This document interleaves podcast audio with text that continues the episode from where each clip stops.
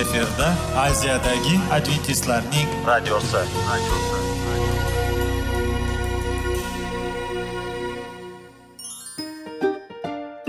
assalomu alaykum aziz radio tinglovchilar sog'liq daqiqasi rubrikasiga xush kelibsiz. Zero tananing sog'lom bo'lishi va uning kasalliklardan saqlash har bir insonning burchi hisoblanadi. Inson uchun bebaho boylik bu sog'liq salomatlikdir. Uni asrash esa har birimizga omonat qilib berilgan. Shuning uchun ham inson o'z sog'lig'ini ehtiyot qilishi voajib amallardan hisoblanadi. Dono xalqimiz sog'liq tuman boylik deb bejiz aytmagan. Aql idroq sohibi bo'lgan inson o'z hayotini qadrlashi lozim bo'ladi. Hozirgi kunda qanchalik dori darmonlar ko'paymasin tibbiy muassa sifati shifokorlar vasiyasi tibbiy texnika yaxshilanmasin. Agar insonning o'z salomatligi haqida qayg'urmasa kutilgan natijaga erishib bo'lmaydi va biz sizlarga bizning dasturimizga xush kelibsiz deymiz.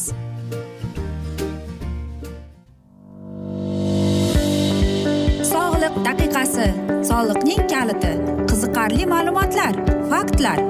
Har kuni siz uchun foydali maslahatlar. Sog'liq daqiqasi rubrikasi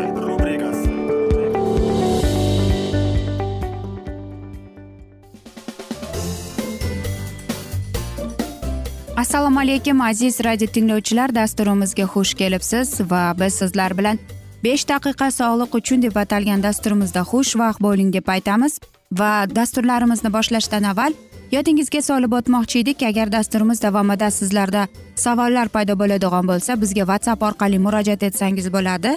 Bizning whatsapp raqamimiz plyus bir uch yuz bir yetti yuz oltmish oltmish yetmish va bugungi bizning dasturimizning mavzusi bu oshqozon deb ataladi. Albatta oshqozon har kuni har soatda mehnat qiladi. U ishlaydi chunki biz yegan ovqatimizni u hazm qiladi. Shuning uchun ora orada unga dam olish kunlarini e'lon qilib turganingiz ma'qulroqdir deydi olimlar. Xo'sh qanday qilib deysizmi? Dori iste'mol qilayotganingizda o'ta ehtiyotkorona dorilarni iste'mol qilganingiz ma'qulroqdir. Chunki ular deydi oshqozonga o'ta zarar keltiradi deydi. Lekin shunday ham bo'ladiki masalan shunday dorilar bor bizning oshqozonga qanchalik zarar keltirishi. Bu albatta aspirin yoki tuz yoki kartioksidantlar yoki aytaylikki shamollash tabletkalaridan ham deydi. Xo'sh qanday qilib biz oshqozonimizga g'amxo'rligimizni ko'rsatishimiz mumkin? Masalan shunday taom va mahsulotlar borki bizning oshqozonimizni aytaylikki birozgina jig'iga tegib qo'yadi. Shuning uchun ham keyingi mahsulotlarni iste'mol qilishda e, o'zingizni tiyganingiz ma'qulroqdir. Birinchidan bu qahva spirtli ichimliklar aytaylikki gazlangan suvlar yoki achchiqlar yoki marinovka qilingan taomlar qovurilgan ovqat yog'li ovqatlar. Agar siz bir narsadan xavotir olayotgan bo'lsangiz yoki o'zingizni bezovta sezayotgan bo'lsangiz yarim soatga mizg'ib olganingiz ma'qulroqdir deymiz. Doimo vaqtida o'z vaqtingizda ovqat iste'mol qilganingiz yaxshidir. Bir xil vaqtda. Chunki bu oshqozoningizni ishlashiga judayam katta e, sizga minnatdor bo'lishi mumkin. Shuning uchun ham siz o'zingizning oshqozoningizni vaqtida iste'mol qilsangiz u hech bo'lmasa bir necha soat dam olishi mumkin ekan. Hech qachon deydi o'ta ortiqcha ovqat iste'mol qilmang. Masalan qancha biz ovqat to'yamiz lekin ko'zimiz to'ymaydi o'shandagina biz o'zimiz to'yganimizda o'zimizni tiyishimiz kerak ekan. Aytaylikki biz shunga qancha ovqat iste'mol qilishimiz kerak ekan? Uchdan bir qismini iste'mol qilish kerak ekan. Shunda sizning oshqozoningizda og'irlik hissi yo'q bo'ladi va sizga ortiqcha vazn olishga xalos qiladi deydi. O'ta ehtiyotkorona bilan issiq va sovuq taomnomalarni iste'mol qiling. Masalan sovuq ovqat deyapti. U ovqat hazm bo'lish protsessini sekinlashtiradi deydi. Issiq ovqat esa deydi ovqatning mazasini yo'q qiladi deydi.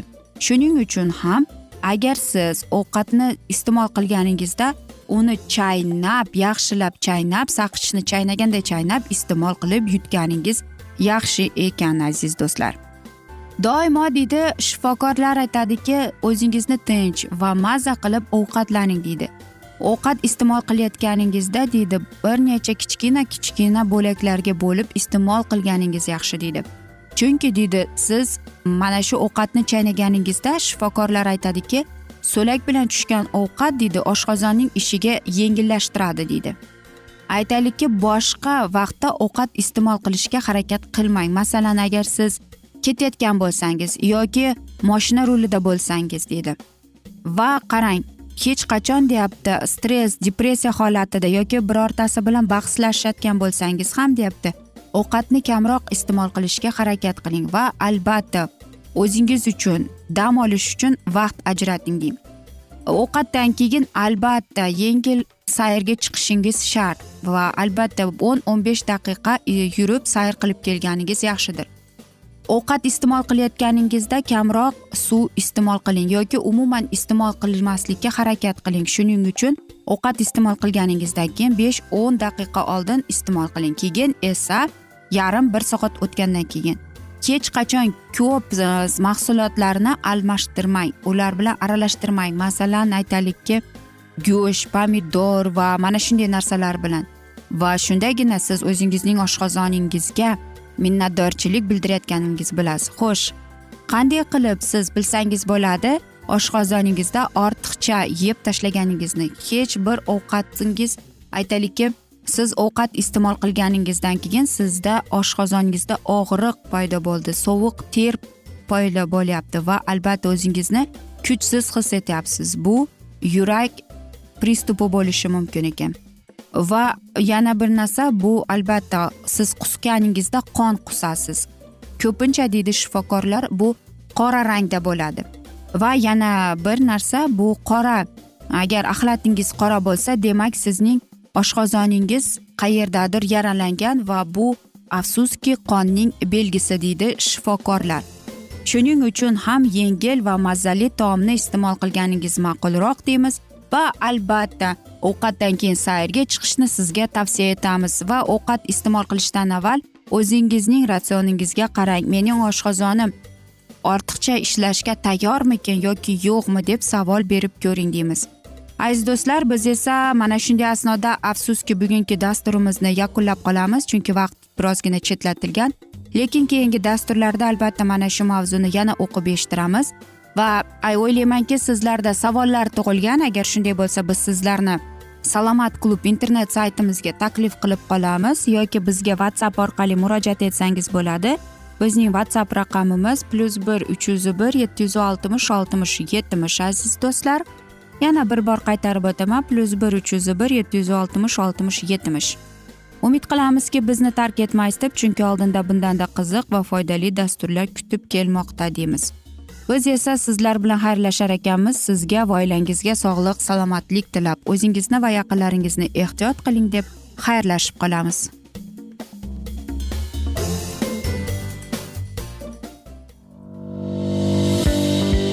Sog'liq daqiqasi soliqning kaliti qiziqarli ma'lumotlar faktlar. Har kuni siz uchun foydali maslahatlar. Sog'liq daqiqasi rubrikasi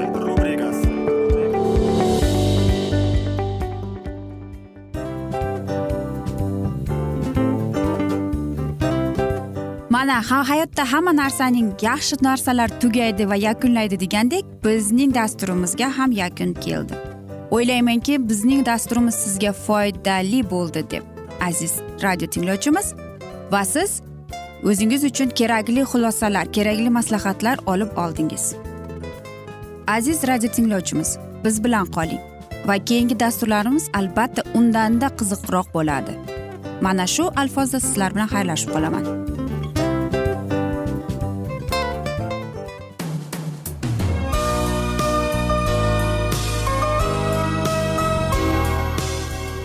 Efirda aziyadagi adventistlarning radiosi.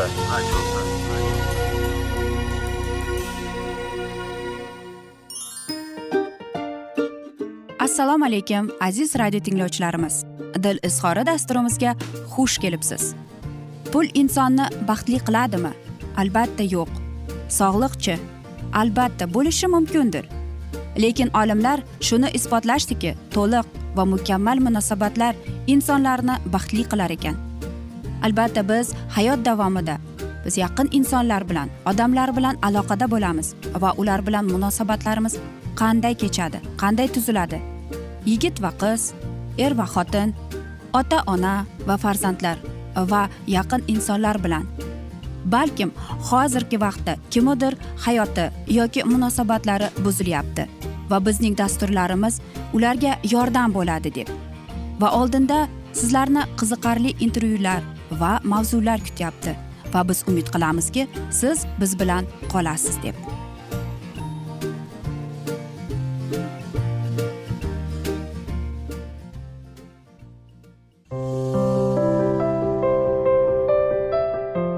Kuni har xil kasbdagi odamlar bilan sirlashish va bo'lishish sevgi rashq munosabat bularni hammasi dil izhori rubrikasida.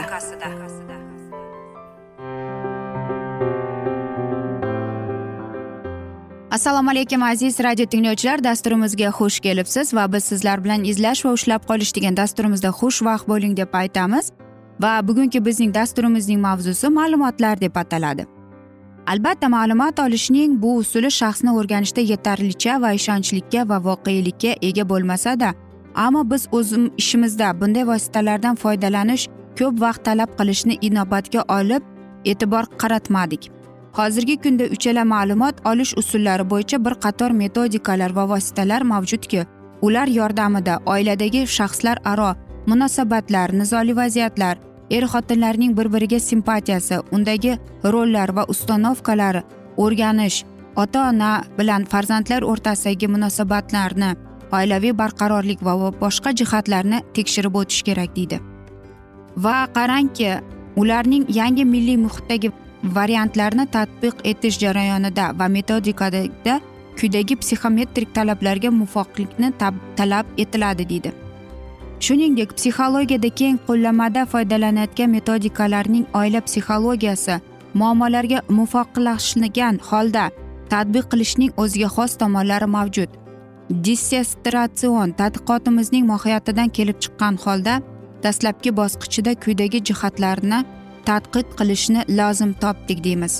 Birinchidan oilaning mustahkamligini aniqlash uchun er xotinlarni oila qurish va boshqarishga yo'lantirilgan motivlarni o'rganish. Ikkinchidan murakkab vaziyatlarni kelib chiqish sabablari va oiladagi munosabatlarning borishini aniqlash. Uchinchidan oiladagi buzilishlarning o'rganish uchun ularning tarixi va er xotin munosabatlarini yoritish. To'rtinchidan er xotinlarning bir biriga ijobiy terapevtik ustanovkalarini o'zlashtirishlikni o'rganish. Beshinchidan oila mustahkamligi uchun er xotinlarning ijobiy va salbiy xarakter xislatlarini to'g'risidagi tasavvurlari shakllanganligini tekshirish deyiladi.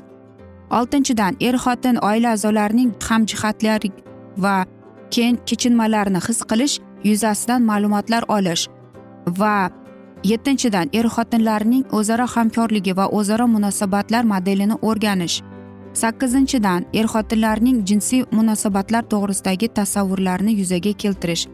To'qqizinchidan er xotinlarning hozirgi va kelajakdagi munosabatlar haqidagi tasavvurlarni taqdid etishdan iborat bo'ladi deydi. Ushbu jihatlardan o'rganish va uchun quyidagi metodikani deydi tanladik. Ya'ni rolik kutilmalar va nikohga da'vogarlik deb nomlanadi. Bu mazkur metodika rus olimi volkova tomonidan ishlab chiqarilgan bo'lib uning mahalliy modifikatsiyasi yaratishga zaruriyat tug'dirdi deydi. Va qarang metodikaning tuzilishi to'g'risida so'z borar ekan. U ikkita ya'ni ayollar va erkaklar variantdan iborat deydi. Har bir variantda o'ttiz oltitadan tasdiq topgan. Tasdiqlarga bir necha variantdagi javoblar beriladi. Uning umumiy ko'rinishi bilan dissertatsiyaning ilovasida tanishishi mumkin. Metodikani tatbiq qilishdan olingan natijalar quyidagi shkalalar yordamida tahlil qilinadi. Natijalar bilan dissertatsiyaning e, ikkinchi bobida tanishiladi. Er xotinning e, jinsiy munosabatlarining ahamiyatining belgilovchi shkala er xotinlarning shaxslik identifikatsiyasini belgilovchi ustanovkalar er xotinlarning oiladagi maishiy xo'jalik funksiyasini amalga oshirish ustanovkalarini o'lchovga shkala er xotinlarning ota onalik majburiyatlariga munosabatini aniqlovchi shkala beshinchi oilaviy munosabatlar barqarorligi uchun xizmat qiluvchi tashqi ijtimoiy faollikni aniqlovchi shkala. Oltinchi oilaning emotsional psixoterapevtik funksiyasining ahamiyatini belgilovchi shkala er xotinlarining tashqi jozibadorligini aniqlash shkalasi tadqiqot e, metodikalarining ikkinchi bosqichida oilaviy munosabatlar barqarorligini muhim omillari sifatida nikohdagi psixologik hamjihatlik er xotinlarning bir birlariga ko'nikib ketishlari er xotin va oila a'zolarining shaxsiy xususiyatlarining mutabosligini olib qarash mumkin. Bu boradagi jabhalarni o'rganish uchun dissertatsiyamizda psixologik tadqiqotlarda keng qo'llanma qo'llanayotgan liri metodikasidan foydalanishni lozim topdik dedi. Liri metodikasi shaxslar aro munosabatlar psixodiagnostikasi uchun qulay bo'lib shaxslar aro munosabat va o'zaro idrok qilinishini o'rganishga imkon beradi deydi shu sababli u oiladagi pozitsiyani baholab o'zidan qoniqmaslik shaxslararo munosabatdagi kutilmaganlarni yoritish uchun qo'llaniladi deydi bu metodika sinovchilarning real va ideal tasavvurlari bo'yicha tahlil qilish lozim topdik. Buning uchun metodikadagi tasdiqlarga har ikkala yo'llanish bo'yicha javob berish taklif qilinadi deydi. Bunday pozitsiyada turishimizga ideallik va real o'rtasidagi Э, mana shu tafofutlanish nikoh va oiladagi destabillanishuvi deydi. Munosabatlarda zo'riqishni keltirib chiqaradi va oiladagi e, mana shu destebalish manbaiga aylanishga turtki bo'ladi deydi. Va qarangki liri metodikasi deyapti bir yuz yigirma sakkizta xarakterologik xususiyatlarni mujassamlashtirilgan bo'lib tuzilma bo'lib ular sakkizta psixologik tendensiyaga guruh bo'lingan deydi. Liderlikka moyillik o'ziga ishonch talabchanlik ishonchsizlik yon berishlik ishonchchanlik ko'ngilchanlik va rahmdillik deyiladi. Shuningdek ushbu metodika muvofiq oila barqarorligini ta'minlovchi omillar va undagi shaxslar munosabatlar yuzasidan ma'lumotlarni boyitish maqsadida deydi. Biz so'rovnomalarni ishlab chiqdik deydi. Aziz do'stlar biz esa mana shunday asnoda bugungi dasturimizni yakunlab qolamiz. Afsuski vaqt birozgina chetlatilgan. Lekin keyingi dasturlarda albatta mana shu mavzuni yana o'qib eshittiramiz va umid qilamizki bizni tark etmaysiz deb chunki oldinda bundanda qiziq bundanda foydali dasturlar kutib kelmoqda sizlarni deymiz. Va biz sizlar bilan xayrlashar ekanmiz. Sizlarga va oilangizga tinchlik totuvlik sog'lik salomatlik tilab. O'zingizni va yaqinlaringizni ehtiyot qiling deymiz va albatta seving seviling deb xayrlashib qolamiz.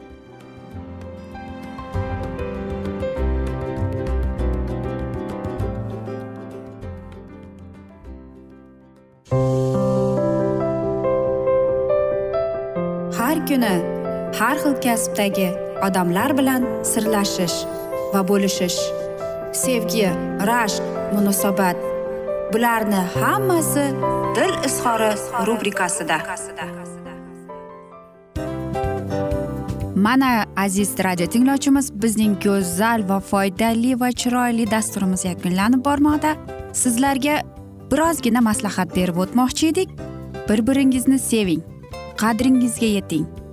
Va erkalang albatta bir biringizni va sizga judayam chiroyli va mustahkam munosabatlar tilab qolamiz albatta. Sevgilingiz doimo yoningizda bo'lsin. Mana shu borada sizlar bilan xayrlashib qolamiz. Xayr.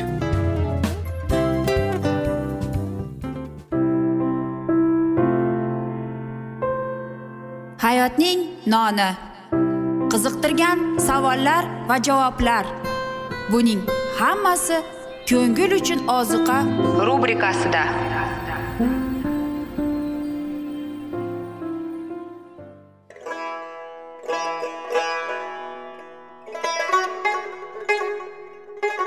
Assalomu alaykum aziz radio tinglovchilarimiz.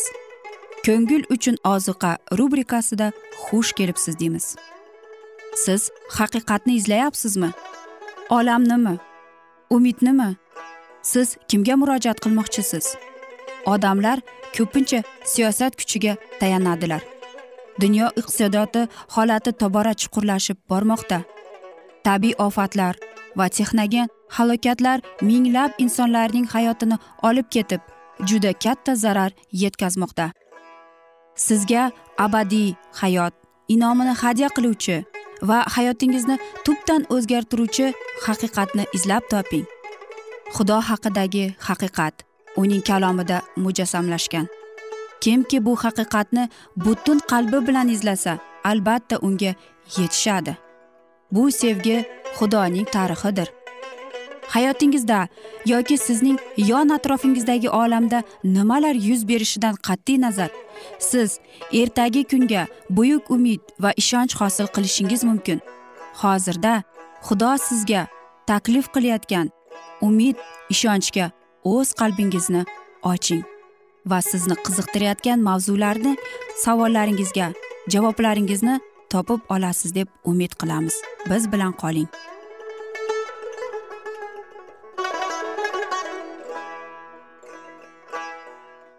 Assalomu alaykum aziz radio tinglovchilar. Dasturimizga xush kelibsiz va biz sizlar bilan ulug' otalar va payg'ambarlar deb nomlangan dasturimizda xushvaqt bo'ling deb aytamiz. Va bugungi bizning dasturimizning mavzusi bu shogirdlikning belgilari deb ataladi lekin dasturimizni boshlashdan avval sizlarning yodingizga solib o'tmoqchi edik. Agar dasturimiz davomida sizlarda savollar tug'ilsa bizga whatsapp orqali murojaat etsangiz bo'ladi. Bizning whatsapp raqamimiz plyus bir uch yuz bir yetti yuz oltmish oltmish yetmish aziz do'stlar. Va biz sizlar bilan o'tgan galgi dasturimizning mavzusini bugun davom ettiramiz. Va muqaddas qonunga biz gunohkor va betavfiq bo'lganligimizning asosan e, muqaddas kitobga kamolatli darajada bo'ysuna olmaymiz deyiladi. Xo'sh o'z boshidan kechiradi. Qarangki iso masih aynan mana shu yerga kelib bizning gunohlarimizni u odamdek kelib yashagan. Bizlar uchun o'ldi. O'zining ustiga bizning gunohlarimizni olib endi bizga o'z sohillikligini berishga taklif qilmoqda. Agar biz unga to'la berilib unga o'z najotkorimiz deb tan olsak shunda hayotimiz qanday gunohkor bo'lmasin? Uning uchun biz solih deb e'tirof etamiz. Masihning tabiati bizning tabiatimiz o'rnini bosadi. Biz hech qachon gunoh qilmaganday bo'lib bizni olloh qabul qiladi. Va haddan tashqari masih yurakni o'zgartiradi. Ishonch orqali u sizning qalbingizda mavjuddir. Bu ishonch orqali siz masih ila shu zahoti saqlab irodangizni unga topshirishga tirishingizlar. Zotan xudoning o'zi sizlarning vujudingizga amal qiladi. U o'z murod maqsadini ado etishingiz uchun sizlarga xohishni ham harakatni ham tug'diradi. Shuning uchun siz shunday deya olasiz. Endi yashayotgan men emas balki masih mening ichimda yashayapti. Endi tanada yashayotganimga kelsak meni sevgan va men uchun o'zini fido qilgan ollohning o'g'liga bo'lgan iymon bilan yashayapman. Shunga o'xshash narsani iso o'z shogirdlariga aytgan chunki o'zlaringiz emas ichingizdagi otangizning ruhi gapiradi. Endi masih sizga harakat qilar ekan siz ham shu ruhda bo'lasiz va u singari siz ham yaxshi ishlar qila olasiz solihlik va so'zga kirmoq ishlarini bajara olasiz. Shunday qilib maqtanishimiz uchun o'zimizda hech narsa yo'q. O'zimizni olqishlashimiz uchun bizda hech qanday asos yo'q. Umidimizning yagona poydevori masihning solihligidir va biz orqali va bizning vujudimizda uning ruhi harakatidir. Iymonimiz to'g'risida gap yuritganimizda bir jiddiy farqni ko'zda tutish lozim. Iymonning belgili navi borki u o'z negizida u haqiqiy iymondan ajralib turadi. Ollohning borligi uning kuch qudrati va kalomning sadoqatligi. Bular shunday dalilki ularni hatto shayton jonining teranligida bunday butun ko'pchilik jinlar bilan rad qila olmaydi. Jinlar ham ishongani uchun dahshatdan titraydilar deydi muqaddas kitob. Lekin ushbu so'zlar haqiqiy iymonni isbotlamaydi. Haqiqiy iymon allohning so'ziga ishonishgina emas balki uning irodasiga bo'ysunishdir. Haqiqiy iymonlining qalbi butunlay parvardigoriga berilgan uning butun tuyg'usi va hislari unga jamlangan. Shunda iymon faqat muhabbat asosida harakat qiladi va jonni poklaydi. Ushbu iymon tufayli qalb xudoning suratida yangilanadi. Oldingi yangidan tug'ilmagan holatida inson ilohiy qonunga bo'ysunmaydi va to'g'risida aytganda bo'ysuna olmaydi. Endichi u muqaddas amrlarda huzur topib bu dovud ila qonuningni men qanchalik sevaman kun bo'yi u fikr xayolimda mening deb zavqlana boshlaydi. Va shunda qonunning soliq talablari bizning vujudimizda emas ruhiy hayotimizda bunyodga chiqa boshlaydi. Odamlarning ichida shundaylari borki ular masihning har qanday gunohni kechiradigan sevgisini tanib bilib va qalbiga olib allohning farzandlari bo'lishiga haqiqatdan ham xohlaydilar. Lekin ular tabiatlari komil bo'lmaganini va hayotlari nuqsonli ekanini anglagan holatda yuraklari muqaddas ruhning kuchi bilan yangilanganida shubhalanishga tayyor bo'lib turadilar. Shunday odamlarga men aytmoqchiman umidsizlikka berilmanglar. Bizlarga tez tez isoning oyoqlariga sajda qilib kamchiliklarimiz va xatolarimiz to'g'risida yig'ilishimiz mumkin lekin ruhimiz tushishiga yo'l qo'ymaylik. Agar hatto xato agar bizni dushman g'olib chiqqanda ham biz nobud bo'lmadik. Biz va tangrimiz bizni qoldirib bizdan voz kechgani yo'q. Yo'q iso allohning o'ng tomonida hozir bo'lib bizlar uchun shafoat qilmoqda. Aziz shogird yuhanna shunday yozgan. Ey farzandlarim bularni shuning uchun yozyapmanki sizlar gunoh qilmanglar. Bordiyu birortangiz gunoh qilib qo'ysang otaning oldida odil homiyimiz iso masih bor. Shuningdek otamning o'zi sizlarni sevadi degan so'zlarni esingizdan chiqarmang. U sizlarni o'ziga qaytarib o'z soddaligini va sizning hayotingizda akslantirmoqchini istaydi.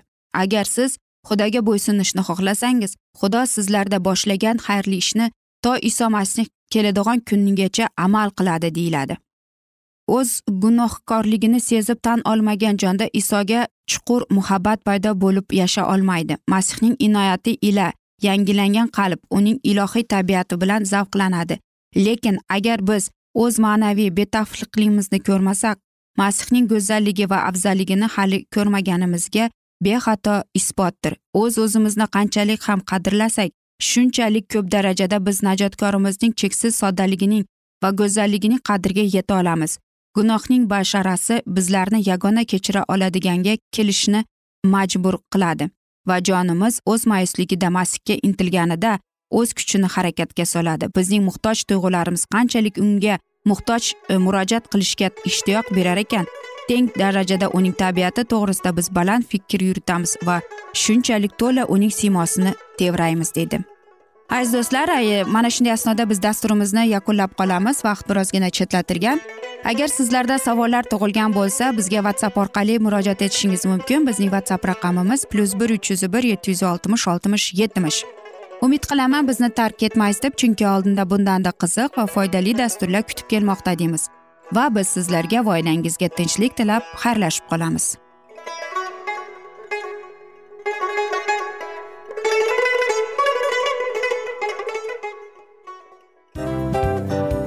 Mana aziz radio tinglovchimiz hamma yaxshi narsaning yakuni bo'ladi degandek bizning ham dasturlarimiz yakunlanib qolmoqda. Aziz do'stlar o'ylaymanki bizning dasturlarimiz sizlar uchun judayam foydali bo'ldi deb. Bizning dasturlarimizdan siz o'zingizga foydali va judayam kerakli maslahatlar oldingiz deb.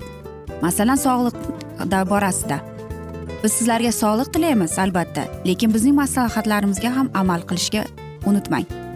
Munosabatlarga kelganda bu munosabatlar chuqur va yaxshi bo'lishi uchun uni ustidan ishlash kerak albatta. Diniy masalaga kelsak aziz do'stlar bu judayam jiddiy va chuqur nazarni talab qiladi. Ammo biz sizlar bilan xayrlashib qolmaymiz keyingi dasturlarda eshittirishimizni davom ettiramiz va sizlar bilan mana shu yaxshi kayfiyatda xayrlashib qolamiz. Va keyingi dasturlarda ko'rishguncha xayr!